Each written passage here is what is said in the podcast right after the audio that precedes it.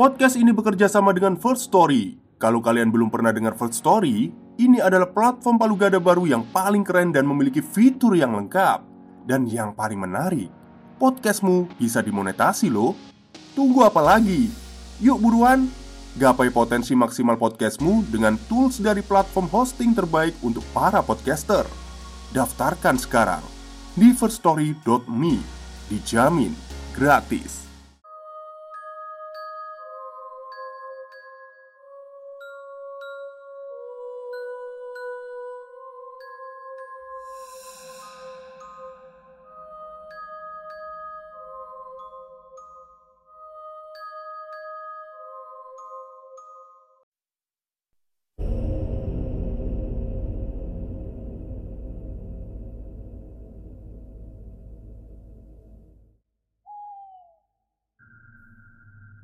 Assalamualaikum warahmatullahi wabarakatuh. Halo semuanya Jumpa lagi dengan saya Chow Sing Sing Kurator dari podcast Horror Night Story. Halo apa kabar semuanya? Semoga kalian semua sehat-sehat ya. Dan seperti biasanya Pada malam hari ini saya kembali dan akan menghadirkan sebuah kisah mistis untuk kalian semua Kisah mistis kali ini saya datangkan dari treat horornya Mas Jala Mangkara 27 Yang menceritakan tentang kepunden yang ada di desanya. Oke daripada kita berlama-lama Mari kita simak ceritanya. Kata orang di desa gue Bila ada yang harus dihindari Maka kepunden inilah salah satunya ini akan menjadi cerita gue yang gak akan pernah dilupakan karena menyangkut nyawa penduduk yang hidup berdampingan dengan kerajaan yang tak kasat mata, yang konon katanya masih ada hingga saat ini. Beberapa warga desa sering mengaku melihat ular besar sebesar batang pohon kelapa sedang berjemur di antara bebatuan dan rimbunnya semak. Bagi yang belum tahu apa itu kepunden, itu area yang terbentuk karena gunung berapi meletus. Sebagian lempeng tanah dan batuan sekitar merosot hingga membentuk cekungan. Jika terisi air hujan, maka akan menjadi danau dadakan. Karena berada di dataran tinggi, lokasi ini dijadikan perkebunan teh oleh pemerintah dan masih produktif beroperasi hingga saat ini. Sebelumnya, penduduk tidak pernah merasa terganggu oleh mereka. Namun, saat perluasan perkebunan mulai dilakukan, di mana pohon-pohon besar harus ditumbangkan untuk selanjutnya diganti oleh bibit teh terbaik, dan sialnya kepunden ini harus ikut diuruk oleh tanah. Hal yang dilakukan selanjutnya setelah perluasan dimulai adalah mendatangkan truk-truk berisi tanah untuk memulai pengurukan. Yang terjadi selanjutnya, dua orang tewas di tempat. Bagaimana matinya masih dirahasiakan oleh pihak kontraktor. Di sini, Mastri mulai turun tangan. Mastri ini kebetulan masih sepupu bapak gue Beliau yang biasa menangani kasus-kasus goib di desa. Dia tahu betul efek yang ditimbulkan terhadap penduduk desa jika kerajaan siluman di sana diratakan oleh tanah. Pihak kontraktor meminta bantuan Mastri untuk melancarkan proses pengurukan. Namun, disampaikannya langsung bahwa ia tak sanggup melawan murka sang raja. Tak patah arah, akhirnya pihak pengelola mendatangkan beberapa orang dari luar desa yang katanya sanggup menyingkirkan atau setidaknya memudahkan pekerjaan mereka. Dupa ditancapkan di empat penjuru. Kain hitam yang membungkus kepala kerbau bule dilemparkan ke tengah kepunden. Sebuah metode pengusiran secara halus Nampaknya hanya membuat mereka yang menetap lama di sana tidak terima. satu persatu mulai tumbang dengan penyakit-penyakit aneh. Ada yang kejang-kejang dengan bola mata yang menghitam, sementara yang lainnya terbatuk-batuk keras hingga mengeluarkan darah, dan kemudian ada ular kecil dengan pola cincin kuning keluar dari mulut hingga telinga mereka. Entah sudah berapa lama ya, atau berapa malam hal gaib ini banyak terjadi. Proyek pengurukan dihentikan sementara. Namun, para pekerja belum membubarkan diri. Mereka membangun mes dari tenda sementara untuk bermalam. Fenomena terburuknya ialah ketika Abot Igel. Abot Igel hanya sebuah istilah. Makhluk ini jarang terlihat namun gue yakin dari energinya makhluk ini salah satu dari yang paling berkuasa. Malam itu, para pekerja proyek perluasan lahan sedang beristirahat dalam tidur. Sesaat terdengar suara gemerusuk, dilanjutkan dengan desisan. Abot Igel sedang berkeliling menandai tenda mereka. Mastri malam itu berkeliling di luar area perkebunan. Tak sejengkal pun tanah yang ia pijak luput dari taburan garam yang ia bawa. Desisan suara ular mengerikan itu pasti membuat siapa saja merinding. Namun, bukan itu yang harus ditakuti, melainkan suara alunan kendang setelahnya. Kenapa suara kendang begitu menyeramkan? Karena pertanda tarian kematian sedang dilakukan setelah Abot Igel keluar menandai calon korbannya. Mereka yang pernah ketiban sial berurusan dengan si Abu Igel ini menuturkan Ia adalah perwujudan dari wanita cantik Yang sedang menari lengkap dengan aksesoris kerajaan dan ditemani oleh ular Banyak sekali ular yang menggulung bergumul menjadi satu Keesokan harinya, tiga dari delapan orang yang tinggal di mes pekerja itu ditemukan tewas dengan kondisi tubuh masih utuh, namun dengan setiap tulang yang melekat di tubuhnya remuk. Proses tabur garam yang dilakukan Mastri tidak lain agar yang di dalam tetap di dalam, tidak usah keluar hingga membahayakan penduduk sekitar. Pengelola pantang menyerah bagi mereka, mungkin uang adalah urusan belakangan. Yang lebih utama adalah soal harga diri.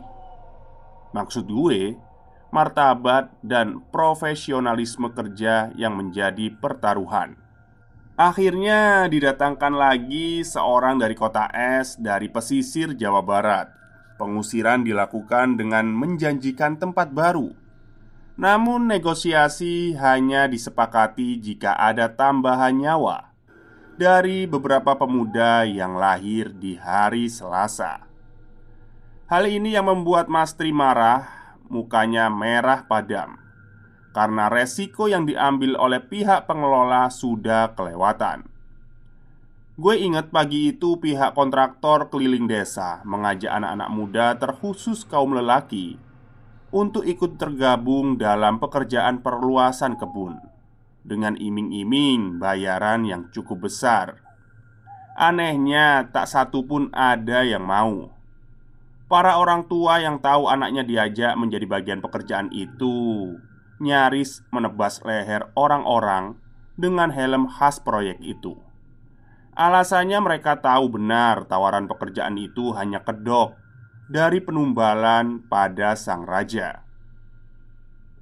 Mastri selalu mengingatkan agar pekerjaan itu dihentikan karena mereka tidak tahu apa yang bersemayam di tengah kepunden itu. Ulah pemborong yang terus-menerus mendatangkan orang sinting malah membuat demitnya semakin menjadi-jadi. Eksistensinya setiap malam bertambah parah Gangguan yang awalnya hanya kepada para pekerja kini mulai berimbas pada penduduk sekitar. Pagi itu, buruh perkebunan sedang memanen pucuk daun teh. Bu Siti mengajak putra sulungnya untuk ikut membantu. Lokasi kebun dan kepunden berjarak hanya 100 meter. Putra Bu Siti ini sedikit berkebutuhan khusus, sementara suami Siti seorang perantau. Adzan duhur berkumandang. Sebagian buruh memutuskan untuk istirahat makan siang sembari menyapa. "Bu Siti, ayo istirahat. Makan siang dulu sama kita." "Iya, sebentar lagi ya, nanggung," jawabnya. Orang-orang memperhatikan putra Siti, Anwar, yang nampak tak biasa Tatapannya kosong sambil memainkan gunting besar di tangan untuk memotong tangkai daun teh. "Bu, anakmu kenapa?" Siti nampak heran, lantas ia menghampiri Anwar sambil menepuk-nepuk bahunya. Yang terjadi selanjutnya, anak itu mengiris daun telinganya sendiri hingga putus, lalu dimasukkan ke mulutnya. Darah segar mengalir di pipi hingga membasahi pakaiannya. Kalian pernah makan tulang rawan? Ya, seperti itu bunyinya. Mastri datang sesaat setelah Bu Siti histeris lalu pingsan. Mastri meminta anak itu dipegangi. Sementara buruh yang lain tidak berani mendekat. Mulutnya komat kamit sebelum mengelus bagian telinga yang teriris. Si anak tertawa melengking. Ucapan dalam bahasa Sunda yang artinya "anakku kemari". Makhluk itu membisikkan sesuatu. Mastri hanya menunduk seperti segan. Sepertinya dia tahu betul siapa yang masuk ke dalam diri si anak itu. Tukar saja dengan saya, Mbah. Jangan anak ini, kasihan.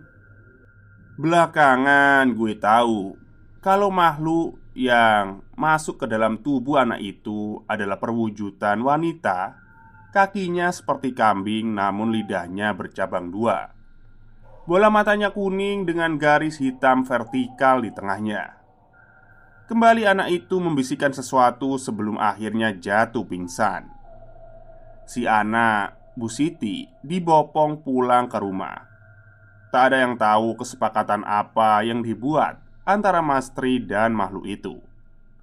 Dan nasib orang dari kota es itu gimana? Kabarnya, beberapa hari setelah kedatangannya, tubuhnya ditemukan bersandar di bawah pohon terembesi antara hidup dan mati. Kulitnya mengeras seperti sisik ular. Nah, kalau di desa gue ramai fenomena abut eagle beda dengan desa sebelah. Teror yang paling diingat adalah teror dari Nyai Daragem. Namanya sesuai dengan penampakannya yang duduk di kereta kencana Yang ditarik oleh empat ekor kuda hitam kemerahan. Barang siapa yang apes bertemu dengannya maka diikuti kematian salah satu anggota keluarga yang telah dipilih Lepas maghrib, Asep menyusuri selang-selang panjang dari mata air di atas bukit yang mengairi bak-bak penampungan di desa. Dengan berbekal senter sambil menunggu suara gemerincing yang belakangan ini selalu menemaninya. Meski enggan, namun rasa penasaran mengalahkannya. Malam ini lebih hening dari kemarin sebelum sesaat terdengar suara seseorang sedang berkidung, bukan gemerincing seperti kemarin. Suara liri membuatnya tak nyaman. "Siapa di sana?" tanya Asep. Sosok samar sedang membungkuk membelakangi Asep. Alih-alih mendapat jawaban yang terjadi, malah kidungnya menjadi tawa yang menggelegar. Keesokan harinya, Asep menceritakan kejadian ini kepada tetangga, dan tetangga yang mendengar cerita itu ekspresinya berubah kaget. "Waduh, hati-hati, istrimu kan sedang mengandung, jangan ditinggal sendiri." Jangan biarkan istrimu keluar.